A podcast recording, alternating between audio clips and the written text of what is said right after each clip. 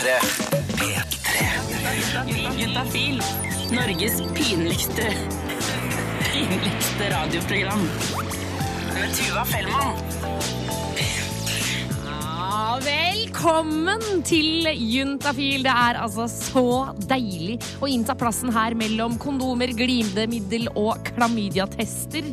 Her hvor vi går inn for å kunne snakke om absolutt alt. For jeg syns jo det er rart at det er en del ting som er så flaut å snakke om. Selv om det på en måte er det mest naturlige med hele kroppen. Altså Ta eksempel det å gå på do. Alle gjør det. Alle må på do. Hvorfor er det så flaut?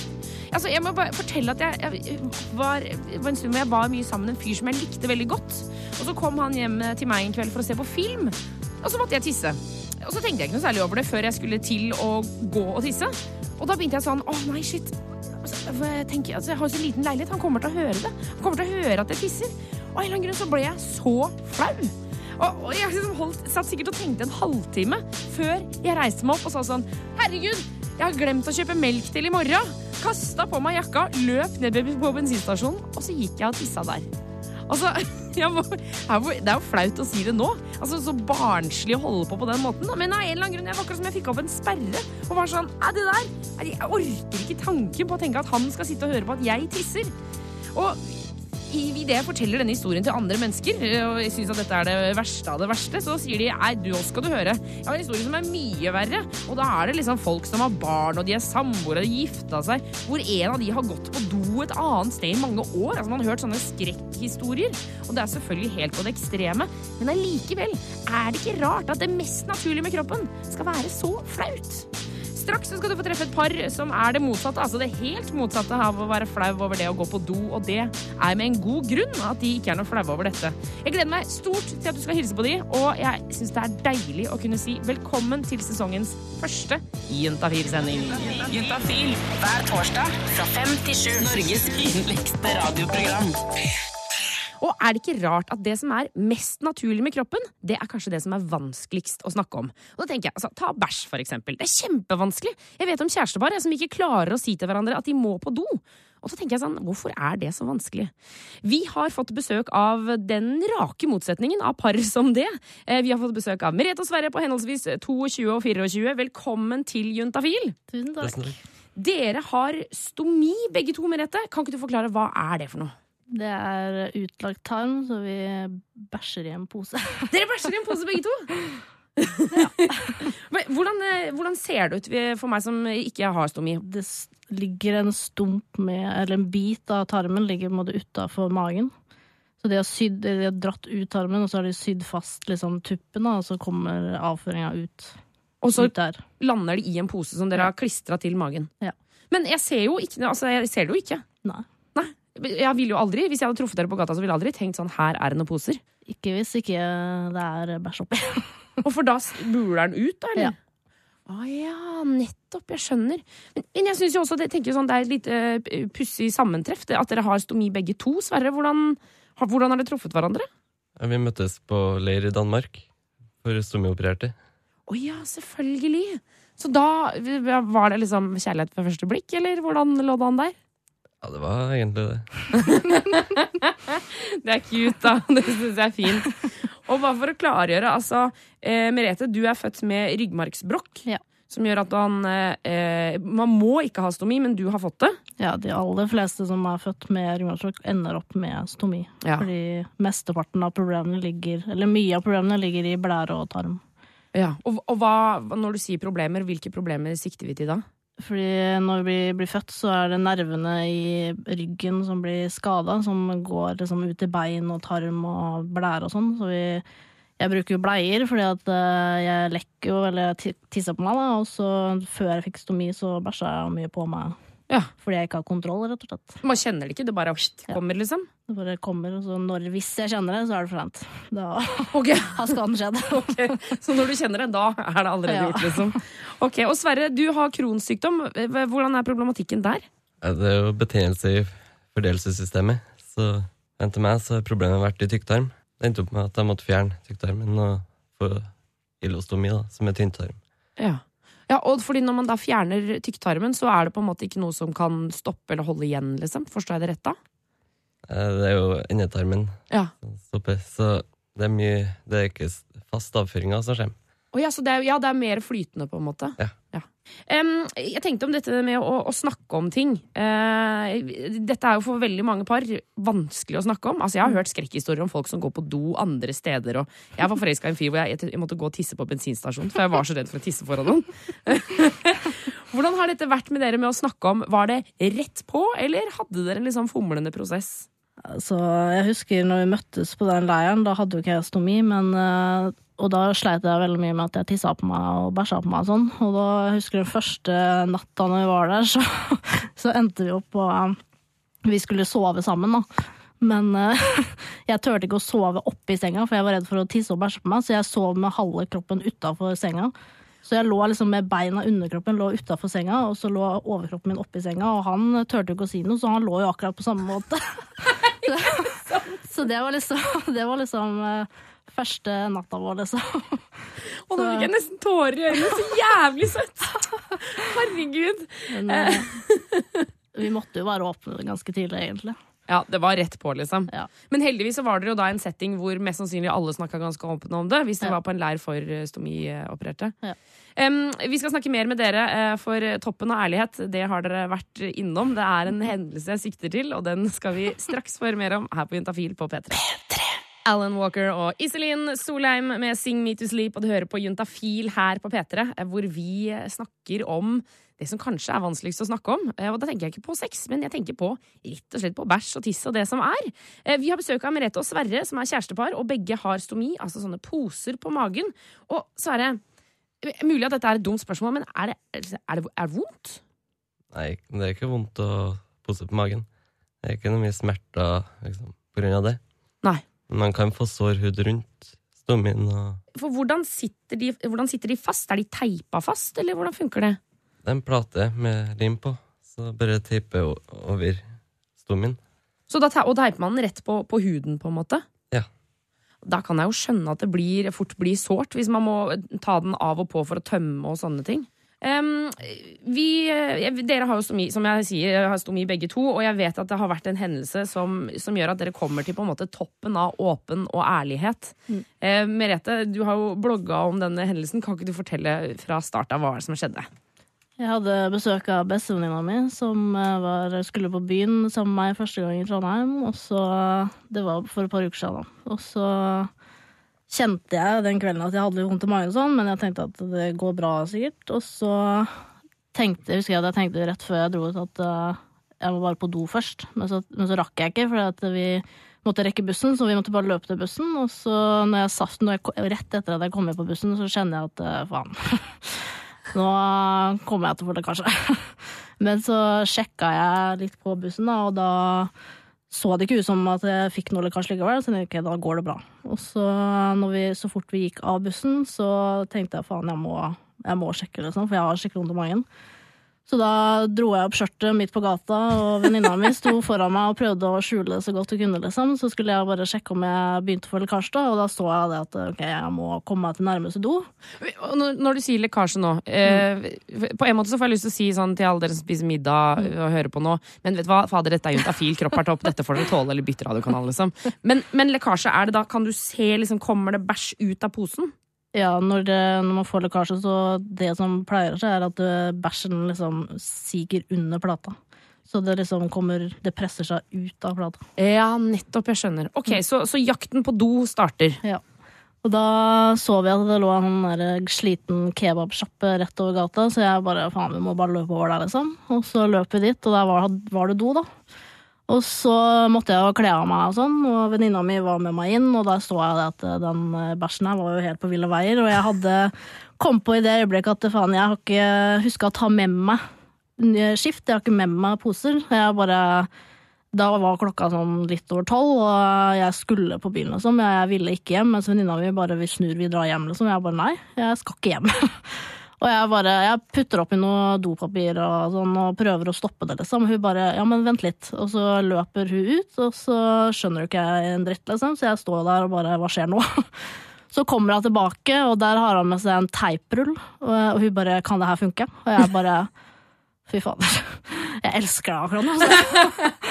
Så, så der eh, sto jeg og bretta opp skjørtet, og hun sto der og teipa bæsjen min inne i posen, og jeg stappa i hjel trusa mi med dopapir, og så, så dro vi derfra, da, og så Det bula jo magen min, for jeg hadde jo masse dopapir oppi, men jeg hadde på meg sånn skjørt, så jeg bare Ja, det syns ikke, sier vi. Og så gikk vi inn på utestedet, og så kjøpte vi oss en drink, og så satte jeg meg ned, og så lukta jeg at eh, faen, nå har det kommet ut. For da lukter det jo skikkelig promp, liksom, når det siger ut. Og da måtte jeg gå på do igjen, da, og jentedoen var jo selvfølgelig ikke ledig, så jeg måtte gå på guttedoen på utestedet, og der sto jeg da, og så så jeg at eh, ok, her har jo jeg har fått skikkelig lekkasje, men jeg, da var det en time igjen til de stengte, og jeg bare jeg drar ikke hjem nå, jeg gir meg ikke nå. Hadde det her vært for meg for bare et år siden, så hadde jeg begynt å grine og dratt hjem og kvelden hadde ødelagt, men jeg tenkte faen heller. Ja, fordi det skjønner jeg, Du har jo hatt dette her lenge, og det her Ja. er jo livet ditt. på en måte Så Ja. liksom sånn, Jeg kan, kan jo tenke meg at liksom at det får være grenser for hvor mange ganger du skal bli stoppa av Ja. at, eller at du ikke får gjort noe fordi at du har stomi. Eller liksom, Ja. Til slutt så bare nei, fy fader, jeg får bare Mm. lukte liksom. Ja. Det var det jeg tenkte, at jeg gidder ikke at det her skal stoppe meg en gang til, så jeg bare stappa enda mer dopapir opp i trusa, og så gikk jeg ut igjen, og så hadde jeg det gøy resten av kvelden. Men så kommer jo eh, altså kveldens ende, hvor Mm. du reiser hjem. Og Sverre, der står du ventende. Eh, hva, altså, her måtte du hjelpe til. Hva var det som skjedde da? Jeg la jo merke til at det var veldig kraftig lekkasje, så jeg bestemmer meg for å hjelpe til, da, sånn jeg vet hvor vanskelig det kan være å gjøre det rent og sånn sjøl, når det er så mye bæsj som kommer ut. Så, så da var, du måtte klippe opp klær og det som var? Ja. Strømpebuksa gikk rett i søpla. det sånn. Det, var ikke noe gjenbruk av den? Nei. Jeg tenkte ikke så mye over det, egentlig. Sånn, jeg bare starta å hjelpe til. Ja, det er fint, da. Så alt i alt så endte kvelden godt. Ja, den endte veldig bra. Og det har kommet mye bra ut av det. um, vi skal snakke med dere litt til, eh, for eh, det jeg også lurer på, er jo hvordan det er å ha sex når man har stomi. Ikke bare én, men to poser å forholde seg til. Eh, og det blir straks her på Juntafil på P3. Du hører på Juntafil her på P3, Norges pinligste radioprogram. Og det er vi fader ute av meg stolte av. I dag så har vi besøk av Merete og Sverre, et kjærestepar som har poser på magen. Eller stomi, som det heter. Eh, Og Merete, du er født med ryggmargsbrokk, og det er derfor du har det. Ja. Eh, Og Sverre, du har Crohns sykdom. Eh, Og det er veldig hyggelig å ha dere her på Juntafil. Takk for at dere kom, forresten. Takk for at du ble bedt. Tusen takk. Eh, Vi, må, vi har vært igjennom eh, noen historier her eh, med noen lekkasjer og greier, men jeg har lyst til å snakke litt om sexen. Mm. Eh, første gang, fordi altså, Da dere traff hverandre, så hadde ikke du stomi, eh, Merete. Eh, første gang dere hadde sex uten å ha at du hadde pose på magen, men at du hadde dessverre. Hvordan, hva, hvordan var det? Skremmende. og jeg var veldig nervøs, fordi at jeg visste at jeg hadde veldig mye lekkasjer, både tiss og bæsj.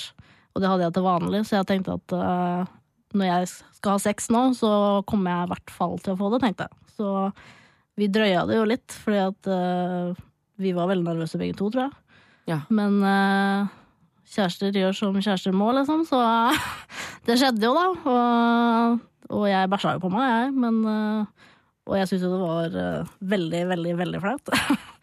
Men Sverre gjorde liksom ikke så veldig mye ut av det, så det var liksom Det gikk greit, Det liksom? gikk, det gikk greit, men eh, det var veldig flaut. Men eh, altså Eller det er jo ikke flaut heller, på en måte. Det er jo Jeg kan ikke noe for det, liksom. Det bare skjedde. Men uh... Nei, for det er jo det som du fortalte i stad, at ryggmargsbrakk gjør at du, at du kan ikke kontrollere. Mm. Du kjenner ikke at du må bæsje, og hvis du kjenner det, så er det for seint, på en Mm. måte. Men, men Sverre, hvordan var det for deg, da? At du rett og slett at hun bæsja på seg når dere hadde sex? Nei, det gjør ingenting. Jeg lata som ingenting i starten. Altså du lata som du ikke merka det, på en måte? Ja, ja. Men eh, etter hvert så skjønte jeg jo at jeg la merke til det, og Men det gikk greit. Det, det gjør meg ingenting, så vi hadde snakka om det på forhånd, at det kunne skje. Ja, det hadde det. Det måtte vi, liksom. Jeg måtte jo, jeg måtte forklare litt. Fy fader, jeg blir helt sånn imponert, for jeg syns jo det er liksom eh, Altså, skummelt å bare snakke om sånn Tenk hvis jeg promper under sex, og dere bare Ja, ja, jeg kommer til å bæsje på meg, liksom. Jeg blir helt imponert, altså. Ok, men eh, når man skal ha sex, eh, og begge to har stomi, er det noen ting man må passe på? Er det noen forberedelser dere gjør, eller noe i den duren? Vi tømmer i hvert fall posene på forhånd. Ja. Det må vi. Kan jeg spørre da, så når dere skal ha sex, er det sånn Skal vi gå og tømme posen, eller? Er du klar? Jeg tror vi liksom eh, skjønner på hverandre at det kanskje kommer til å skje, så vi går på do, liksom. Før, sniker oss inn på do en liten tur før vi, og frisker opp på ting og sånn, tror jeg. Er det, altså, utenom det, er det noen andre ting som dere tenker på, eller er det rett og slett helt vanlig?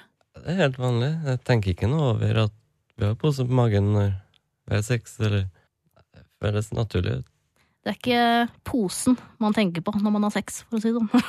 Så det er jo det beste som fins. Altså, man skal jo tenke på den deilige sexen man skal ha. Å, herregud. Nei, vet du hva, Dette synes jeg var skikkelig stas å høre om. Jeg tror eh, alle vi andre har mye å lære av dere to. Det er det ikke noe spørsmål om. Eh, Merete og Sverre, tusen tusen takk for at dere kom innom Juntafil i dag. Tusen takk for det, bedt. Tusen takk. Har fått besøk av Trine fra Sex og Samfunn. Velkommen, Trine! Tusen takk. Hvordan har sommeren vært? Har den vært fylt opp med klamydia, p-piller og kondomer? Ja, nå har jeg ikke vært så mye på jobb i sommer, så da har jeg sluppet litt unna. Men eh, altså, klamydia tar ikke ferie, så det er noen som har tatt ansvaret for Ja eh, kondomene. Det har vært full sving på Sex og samfunn, eh, og det, vi merker også at folk har kommet tilbake fra ferie. Ja, ikke sant. For Sex og Samfunn det er en gratisklinikk som ligger i hovedstaden. Men jeg har også en nettside, sexogsamfunn.no. Der er det en chat som er oppe mandag til fredag 5 til 8. Så der kan du stille dine spørsmål. Eller så kan du sende inn til 1987, kodeord juntafil. Og eh, Trine, det renner jo på med spørsmål her. Jeg lurer på om vi bare må hive oss i gang. Ja, altså. Det kan vi gjøre. Her står det Hei. Jeg har et problem med at jeg kommer altfor fort under samleie. Har prøvd alle mulige måter for å unngå det, men ingenting hjelper. Hva kan jeg gjøre? Hilsen gutt 22. Ja, og da er det jo litt greit å, vite hva er fort under samleie. For Ja. det er jo mange som misforstår det litt, fordi de har kanskje sett på filmer, pornofilmer, eller hva det er, og at det skal liksom holde på til eh, i det uendelige. Ja, da er det jo liksom fire timer der. Minst, ikke sant? Og det, sånn er jo ikke realiteten. Nei. Eh, og det er jo ikke mange minuttene som et vanlig samleie er i gjennomsnittet. Nei, for da Eh, tenker vi sjølve penetreringa, liksom. Ikke sant? Og så er det noe med å vite hva er, hva er sex. Det er jo mye mer enn selve den penetreringen og selve det samleiet. Det er jo alt det før, og man kan ha det fint etter en utløsning også. Mm. Eh, så man må ikke bli så innmari hekta på at det skal være selve den penetreringen som er eh, samleie. Nei, og den der vaginale orgasmen som man eh, igjen, da, for å trekke det til porno, ser hele tiden, den er jo sjelden i det virkelige liv. Ikke sant? Det er klitoris som er eh, det lille gullegget som man må fokusere på for å få en orgasme. Ja, og det er jo veldig mange da som heller kan bruke litt lengre tid på det vorspielet. Og så kan man da ha veldig fantastisk sex, og så kanskje avslutte med den penetreringen. Og går det litt for fort, så er på en måte da er begge to fornøyde uansett. Ikke sant? Eh, og så er det noe med at for å kunne komme, bruke litt kortere tid, så kan man jo prøve å øve seg litt opp med sånn start-stopp-teknikk. Ja. Eh, og det er jo da at man rett og slett onanerer, eh, og så Idet man kjenner at man skal komme, så holder man igjen. Og prøver å stoppe, og prøver å unngå å få den utløsningen. Og så forsiktig prøver på igjen. Mm. Så at man liksom trener seg litt grann opp. Eh, og etter hvert kan man gjøre det med partneren også. Eh, ellers så er det jo Kondom er jo veldig bra, for det setter jo ned følsomheten litt. Og det kan jo for noen være kjempefint, og da kan man kjenne at man ikke kommer så fort. Ja, for Eh, eksempel, og det fins jo kondom ja, med sånn bedøvende middel, selvfølgelig. Absolutt. Sånn at det er mange muligheter der ute. Jeg vet jo ikke hva denne gutt 22 har forsøkt, men eh, eh, det er jo noe med å være litt realistisk også, da. Ja, nå ser jeg det, Han er rask på labben her har fått sendt en SMS til hvor det står 'fort er 15 sekunder'. Ja, Eh, for det er jo, da er det jo fort, på en måte. det er jo det. Og det er jo også noe med at man blir jo veldig stressa når det først begynner å, å gå litt fort. Ja.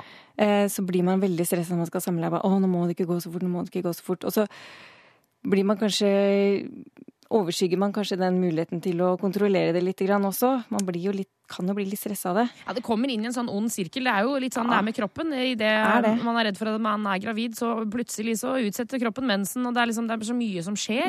Det er vår verste fiende noen ganger. Ja, fader, liksom. Jævel! Men er det liksom Jeg har hørt noen rykter om at man liksom kan gå til legen med sånne ting. Kan man det?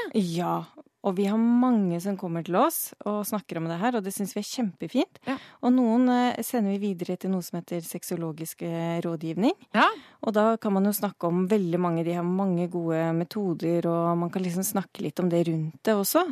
For det er klart at dette påvirker, kan jo påvirke både forhold og forholdet til sex og sånne ting, så det er veldig fint å, å snakke med noen om det. Og ja. du, man er ikke alene om dette her. Nei, nei, nei. nei. Og så kan vi jo legge til at uh, var det jo 22 det er jo fortsatt ungt. så jeg mener sånn, altså Puberteten er jo sikkert over, men allikevel at det tar jo litt tid å trene seg opp. Så kanskje liksom ikke maksimer det nå. Det kan hende at dette roer seg ned, eller? Det er veldig vanlig. Okay.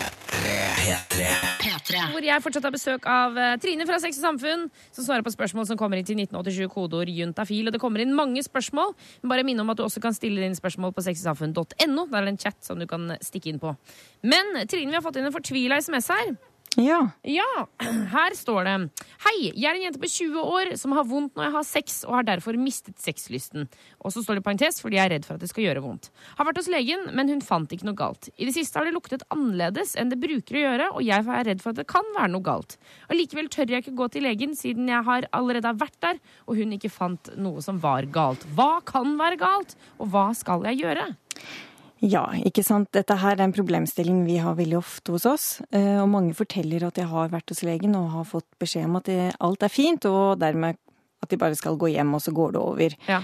Eh, Og det er jo veldig fortvilende. Det er jo rart, for mange tenker jo at man skulle bli glad hvis man får høre at det ikke er noe galt. Ikke sant? Men, men, men hvis man fortsatt har vondt, så er det jo sånn, det hjelper jo ikke meg en dritt at du Nei, sier at det er jeg er nettopp det. Ja, og mange får da beskjed om å kanskje bare ta en eh, soppkur eller å se om det går over. Ja. Så derfor er vi veldig opptatt når vi har eh, den problemstillingen hos oss, å si at hvis dette ikke blir bedre, så kom tilbake. Mm. Og det gjelder også for denne personen at det, det er veldig viktig å, å ta kontakt igjen hvis det ikke blir noe bedre. Ja. Og det trenger ikke være noe galt, dette her. Eh, Litt sånn lukt fra underlivet er veldig vanlig for eh, mange. Og det kan godt være at det bare er en liten eh, bakteriell vagnose, som det heter. En, altså en ubalanse i våre egne snille bakterier i skjeden. Mm. Eh, og det er ting som ofte går over av seg selv, eller som man kan få hjelp til hos legen. Ja. Men eh, det kan jo være andre ting òg, hvis man har hatt en ny partner. Eh, Da kan det jo være klamydia, så det er jo greit å få det sjekket opp. Ja, det kan det være, selvfølgelig. Ja, Men det som er veldig vanlig med sånn smerte ved samleie, er jo nettopp det som hun skriver, at uh, man får vondt, og så gruer man seg til å ha samleie fordi man er redd for at det skal gjøre vondt. Og da blir man ikke noe særlig opphissa, og da får man ikke den Da blir det ikke den glideeffekten, og man ofte strammer muskulaturen i underlivet, sånn at det kan bli litt mer friksjon, det blir mer trangt, da. Ikke sant? Da får man ofte sår eh, slimhinner, eller man kan få små sår også i slimhinnen, da. Så, så, og da igjen er vi på liksom den onde sirkelen. Akkurat det samme, ja. ja, man bare skaper, eller gjør problemet større og større. Da. Eh, Og det, altså, jeg mente ikke å si skaper, for det kan jo være et helt reelt problem i utgangspunktet. Men at det vokser på grunn av at man blir redd og nervøs for det. Absolutt. Men også tenker jeg også sånn, jeg, jeg har lyst til at vi skal si, liksom i minne på denne oppvarmingsgreia. Eh, Jeg har inntrykk av at det er mange som har sex hvor, det bare, hvor man bare tenker at man skal kline, og så skal det liksom rett inn og rett ut og kjempefort og kjempehardt, liksom. Ja. Og da blir det jo vondt. Og det vi ofte pleier å si til disse, særlig hvis man da Det kommer veldig an på om man har en fast partner eller ikke. Det er jo mange sånne ting som spiller inn også. Men har man en fast partner, så at man gjerne kan ha med partneren til en samtale, og at man informerer om at kanskje en periode, et par uker eller en måned, eller hvor lenge denne jenta ønsker, at man har sex uten å ha penetrerende samleie. Ja. For da på en måte å lære opp kroppen til at dette er noe godt og noe fint, uten at kroppen skal være redd for at man eh, skal ha denne vonde penetreringen. Og kanskje da vil det gå gli litt over av seg selv. Så det er også et godt tips. Ok, så hvis vi skal oppsummere her, da, eh, litt. Så vi var veldig enig i den eh, ukes- eller månedsregelen der. Å prøve liksom uten selve penetreringa. Og så kan det da Det kan være sopp, det kan være klamydia. eh, Og det kan være for lite oppvarming, og det kan være for mye stress og bekymringer. Em, så hvis så, Men hva skal, vi, hva skal hun gjøre da? Hun skal gå tilbake til legen, eller? Eh, Hvis disse plagene med lukt og sånn ikke går over, så kan det være veldig lurt. Og så kan man da eh, også snakke med legen hvis man er redd for at det er noe galt, for det er veldig viktig å si det til legen, sånn at legen vet hva man tenker på, hva man er redd for. Mm. For da er det lettere å gi litt mer sånn god informasjon. Og så er det jo eventuelt eh, også her sexologisk rådgivning er veldig flinke på akkurat dette med smerter. Eller be om å få en henvisning videre hvis man sliter med mye smerter. For å få inn til en gynekolog, f.eks. For eksempel. Og så mener jo jeg også, har lyst til å slenge inn et lite slag for at hvis du For jeg kan kjenne meg i den der å gå til legen og føle liksom at de ikke blir hørt, eller at de sier sånn ja, men det går helt bra, det er, du er helt frisk, det er ikke noe farlig. Det er lov å bytte fastlege og bare si jeg vil ha en annen som, som hører på det jeg sier. Hvis, hvis problemet ligger der, da. Ikke sant. Ok, masse, masse lykke til, jente 20. Eh, dette kommer til å gå, gå bra. Eh, men eh, ta en tur til legen. Ta en, ta en ny tur og si hør her. Her er det noe greier. Vi har fortsatt besøk av Trine fra Sex og Samfunn. Og Trine, i stad så snakka vi om eh, tok vi en SMS fra gutt 22 som sa at han kom for fort under samleie. Ja, stemmer. Og så skrev han at han kom eh, etter 15 sekunder. Og så har vi fått en SMS her nå som jeg bare må lese opp. Hvor det står 'Tips fra gutt 25 til gutt 22 som kommer for fort'. Uten at jeg er noen ekspert, så tror jeg 15 eh, sekunder er rimelig normalt. Spesielt hvis du er gira eller har vært lenge siden sist. Selv lar jeg det gå fort, så går jeg over til mellomspill i form av vibrator, skråstrek ora- oralsex, for å gire opp jenta. Parentes avhengig av hva hun tenner på. Spør! Og det må man gjøre. Eh, Med den pausen blir du klar igjen for runde to, og kommer sannsynligvis til å holde lenger nå. Så det, altså, kjempetips, mener jeg. Veldig bra. Ja, ja, ja, Hva skulle vi gjort uten eh, dere der ute? Det er dritbra. Jeg blir glad i hjertet. Eh, Vi har også fått en SMS fra mann22 hvor det står 'Hva er egentlig kukost?' Så, ja, hva er egentlig kukost? Ja, det er rett og slett en, en slags, et slags smøremiddel, kan man si. Det er som skismøring. Klister. Eh, og det er jo sånn at eh, glans, altså penis eh, eh, da, som det kalles også. Det er jo veldig sånn glatt, er veldig sånn følsom, tynn hud. Ja. Og den avhenger av at det er litt fukt, for at det ikke skal tørke og bli irritert. Så da slipper det masse sånn kjertler som slipper ut denne, dette fine smøremiddelet da, som holder eh, glans eh, eller eh, hodet veldig sånn fuktig. Ja. Men noen ganger, hvis det blir liggende litt, da, så er det også en del bakterier og sånn som er normalt, og som skal være der. Men de produserer, kan vi si, litt dritt. Litt dritt, ja. som gjør at det blir luktende litt, da. Ja, sånn, ja, ok. Så hvis man får Altså, hvor ofte skal man vaske av kukost? Ja, man skal eh, bare skylle en gang om dagen. Det skal holde det. Og så er det noe med å ikke bruke all denne såpa, da. Zalo er ikke tingen på denne fine, følsomme huden. Er det noen som tar Zalo på tissen? Nei, kjære venner, det må du slutte med med en eneste gang. Så bruk bare vann. De som har forhud, bare drar forhuden tilbake, og så skyll med vann. Ikke noe vits i å skrubbe med såpe og sånn. Nei. Og dette gjelder jenter også. Eh, Vi er jo raske, vi, på å vaske og vaske og vaske og vaske. Og vaske. Og det er intimsåpe så det holder etter. Og jeg pleier å si det at eh, de eneste som har det bra med intimsåpe, det er de som selger det. For de tjener masse penger på det Ja. uten at det er noe bra for oss. Så hold dere til vann. Det er det beste og billigste. Ok, Beste og billigste, også sånn cirka én gang om dagen.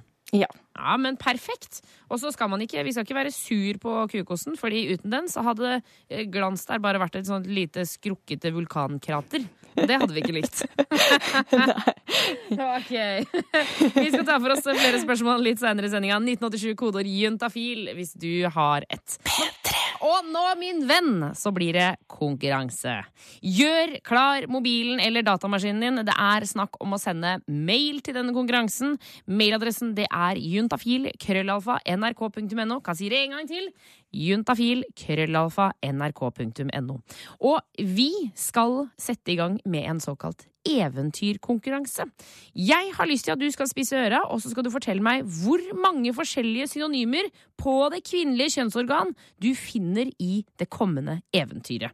Og da vil jeg at du skal se bort ifra de mannlige kjønnsorganene. Drit i de. Vi skal bare fokusere på damene nå. Du kan ikke telle det samme ordet flere ganger. Så skal du altså sende svaret ditt til juntafil krøllalfa. Du kan vinne kondomer og T-skjorte, og så må du selvfølgelig ta med navn, adresse og T-skjortestørrelse, da. Så vi vet hvor vi skal sende det.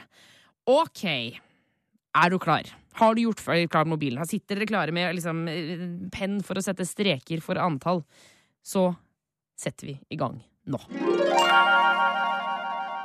Det var en gang en ensom blomst som bodde i en grotte, og som så gjerne ville ha besøk.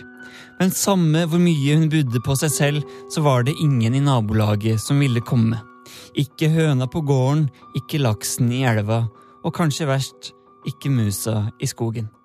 Så Blomsten tenkte at hun skulle gjøre noe lurt og lokke dem til seg, og lure dem i honningkrukka. Hun satte i gang med å spille på spilledåsa si. Høna viste ingen interesse, for hun orket ikke å gå der nede. Men straks kom laksen. Men han var en sleip type, så hun sendte ham hjem igjen. Men det var fortsatt én hun savnet. Så hun satte i gang med å bake, for hvem er ikke glad i noe skikkelig bakst? Og da kom musa. Og hun sa 'Jeg er en ekte bollemus'. Så endte det med at musa spiste av blomsten, og er hun ikke mett ennå, så er hun nok fortsatt på vei ned kjærlighetstunnelen. Mange synonymer for det kvinnelige kjønnsorgan hørte du her? Husk at du ikke kan telle eh, samme ord flere ganger, og husk at vi heller ikke er noe interessert i det mannlige kjønnsorgan, for det kommer neste uke. Send hele sulamitten med altså navn, adresse og T-skjortestørrelse til juntafil, krøllalfa, nrk.no, og fortell oss hvor mange synonymer for det kvinnelige kjønnsorgan som kom i eventyret der. P3.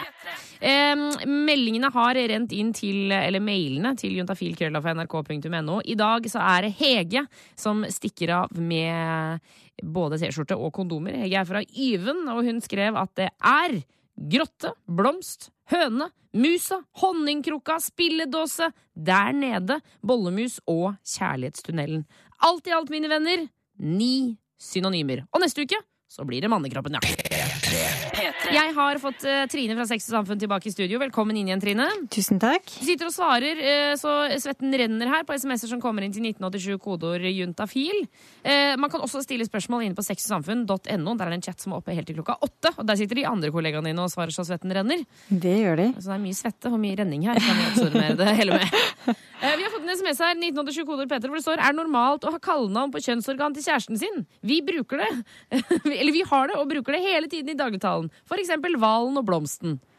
Det er jo ikke unormalt å ha kallenavn eh, på kjønnsorganet til kjæresten sin. Det er jo egentlig litt sånn koselig. Ja, er ikke det Eh, helt topp, da? Ja, jeg syns det høres helt fint ut, ja. hvis det gjør at det blir litt mer sånn spennende. Skal vi la hvalen og blomsten få lufte seg i dag, så er det jo Gøy!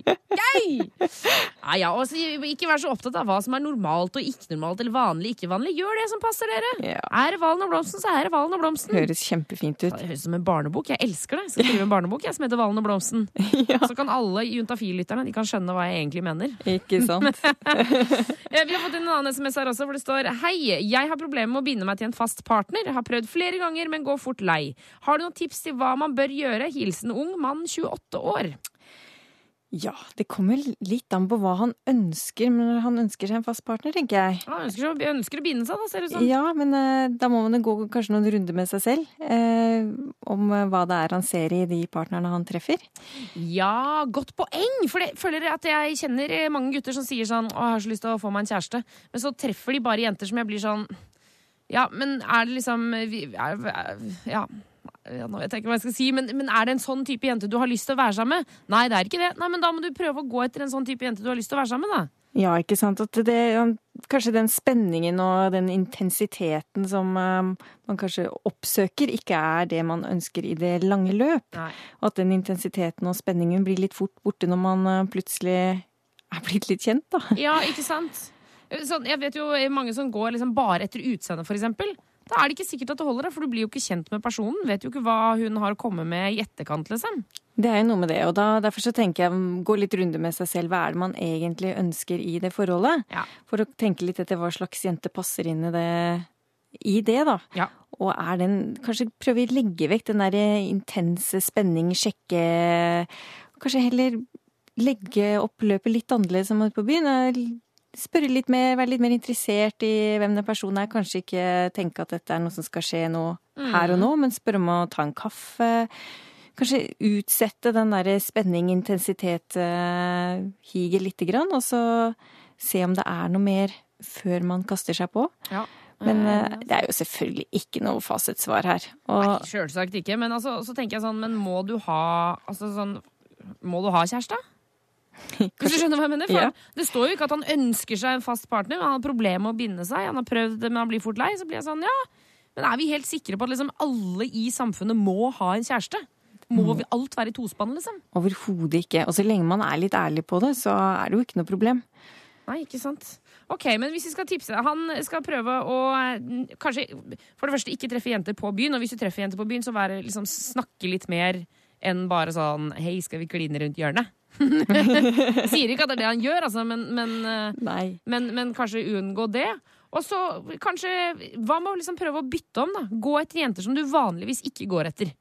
Altså, liksom Tenk deg en jente som du treffer, og så tenk litt sånn, ok, men nå skal, jeg, nå skal jeg prøve å gå på en date med henne, selv om, selv om liksom, hun ikke er den typiske jenta som jeg ville gått for. liksom. Skjønner du hva jeg mener? Jeg skjønner hva du mener. Ja. Ja, det er noe med det å bare utfordre seg selv litt på hva er det egentlig jeg vil ha. Mm. Og hvis det er, svaret er at jeg vil egentlig ikke ha en kjæreste, så er jo det veldig greit. Og hvis det er at jeg vil ha en kjæreste, så er det Men hva vil jeg ha i denne kjæresten? Ja. Ja? Og du, en ting jeg tenkte på. Han sier at han går fort lei. Prøv å gå ut med en dame som er liksom, mye smartere enn deg. Sånn at du aldri du, du vil aldri vinne diskusjonen. Du vil aldri liksom være bedre enn henne. Er, er ikke det en kjempeidé? Veldig god idé. Bare gå etter noen som er sånn Hun! Hun er jeg, jeg er dummere enn henne. Jeg, er dum som et brød i forhold til henne. Så vil hun alltid utfordre deg, liksom. Eller tøffere. Eller liksom, ja, hvis du skjønner hva jeg mener. Ikke sant? Igjen kommer an på hva, hva er greia, hva er det han vil ha? Ja. Hva, hvorfor går han lei? Ja, Hva er det som gjør at han mister eh, interessen? Ja. Nei, du må jobbe med dette her, eh, gutt. øh, Jeg så ikke hvor gammel han var. 28. Men, men jeg tipper at det kommer til å ordne seg. Og så er det jo ikke noe stress. Herregud, du er jo bare 28. Går så fint, så. Ja, ja, ja, ja, ja. Ikke noe stress. P3. Friendship og Emily Warren Capsize heter låta. og Klokka den eh, nærmer seg kvart på sju. Herregud, som tida flyr! Juntafil begynner jo å gå mot slutten. Men eh, Trine fra Sex og Samfunn, vi skal få med oss noen siste spørsmål, vi, på tampen her. Det gjør vi. Eh, 1987 kodeord juntafil er eh, der vi har mottatt SMS-er. Men eh, til deg som sitter med et spørsmål nå, så vil jeg anbefale deg sexogsamfunn.no. eh, For der er det oppe til klokka åtte, og vi gir oss klokka sju. Så er det mer eh, der, Ja, der får du svar. Så det er større sjanse der, på en måte. Det er det. Em, vi, eh, skal vi se, vi lurer på om vi skal ta for oss et spørsmål fra Jente24 her, hvor det står Hei, jeg lurer på om det er mulig å få tak i celleprøvetest til hjemmebruk, eventuelt hvor. Jeg vet at det har vært et prosjekt via Kreftforeningen på dette tidligere. Hilsen Jente24, som ikke er så glad i gynekologiske tester. Ja. Først og fremst celleprøvetest, hva er det for noe? Celleprøvetest eh, det er noe alle jenter må forholde seg til når de blir 25 år. Eh, Da går man til legen sin eller gynekolog og får tatt eh, litt Man skraper bare sånn forsiktig. Det er ikke noe sånn det er ikke noe med tang, og det er ikke sånn at det begynner å blø, eller noe sånt, men man tar litt celler fra livmorhalstappen og sender inn eh, til eh, en eh, avdeling på sykehuset som ser etter om de cellene ser unormale ut eller ikke. Ja, og da er man, det er livmorhalskreft man eh, liksom lukter etter. Ja, og det er veldig viktig å huske på at når man får det i svaret på den celleprøven, at man ikke får helt panikk hvis man får høre at man har unormale celler, for det er veldig vanlig. Ja, kan jeg bare si, Beklager å være personlig her, men jeg fikk brev i posten hvor det stod 'dine celler ser unormale ut', og jeg, altså, jeg trodde jeg skulle besvime. Ja, Og så sant? ringte jeg til legen og bare 'hva er det som skjer?' Og så sier han sånn 'ja, nei, det er helt vanlig, det er ikke noe stress å komme tilbake om et år', og så gikk det helt fint, da. Det er jo nettopp det, og det, og det kan være rett og slett pga. en soppinfeksjon, så det trenger ikke være noe farlig i det hele tatt. Eh, og stort sett så er det jo ikke det. Det går Nei. bare over. Man tar en ny test etter seks eh, måneder eller ett år, Ja. men da bare følges man opp litt nøyere eh, enn hva man gjorde til hvert tredje år, da, som er det vanlige. Ja, for det er det det er det vanlige. Og så eh, til, eh, til alle som blir litt stressa for at de må forholde seg til dette. Man får jo et brev i posten. Du blir innkalt første gangen. Ja, da får man brev. Nå er du 25 år snart, og da skal du komme og ta en test hos legen din. Ja, ikke sant. Men så er det disse Hun spør etter hjemmetester. Ja, for det var et prosjekt som hun eh, nevnte som var gjort i 2013, hvor man da ga noen jenter en hjemmetest, og så om de klarte å gjøre den testen bra, og hvor, om hva de syns om å ha en sånn hjemmetest. Eh, og det er nettopp kommet eh, litt resultater fra det prosjektet nå, eh, og det var veldig positive resultater. Så Kreftforeningen vurderer å kanskje ta det i bruk, men det er ikke bruk enda. Og det er ikke noe som skal eh, på en måte ta over den vanlige legeundersøkelsen. Det er best å få gjort det hos en lege, Ja. eh, sånn at dette her vil være ikke alle som får muligheten til, og det, vi vet jo ikke om det kommer ut heller. Nei. Så man må, må nok gå til en gynekologisk undersøkelse. Mm. Eh, Det er mange som syns at det er veldig leit og vanskelig. Men man må liksom bare tenke at dette her er som å ta en titt i halsen, og så være ferdig med det. Ja, fordi det, det er jo ukomfortabelt, men samtidig, jeg støtter meg veldig på det at dere gjør det der hele tiden. Altså, Vi gjør det. Gynekologer er jo spesialisert i det. Det er det eneste de gjør. Når de gikk, de gikk medisin i hvor mange, er det, hvor mange år er det? Fem år? Seks år? Spesialiserte seg til å bli gynekolog. Det er dette de ville gjøre, liksom. Og det er jo stort sett fastleger da, som tar disse celleprøvene, det må Ja, jeg er også si. Ja, er- og de også gjør jo sånne undersøkelser Ja. hele tiden. Ja, ja, ja. ja. Så legen din er vant til hele kroppen din, eh, og det er ikke noe unormalt å se et underliv. Nei. Ok, Jente24, du må nok dessverre bare bite i det sure eplet og dra eh, til fastlegen og ta den testen. Ta testen. Går over, og det er, går over på Altså, det er jo unnagjort på ti minutter. Ikke det engang. Ah, ja, ikke sant, To, tre, tre minutter. Ja, det hva vet jeg. jeg ikke ok. Hør flere podkaster på nrk.no podkast. P3.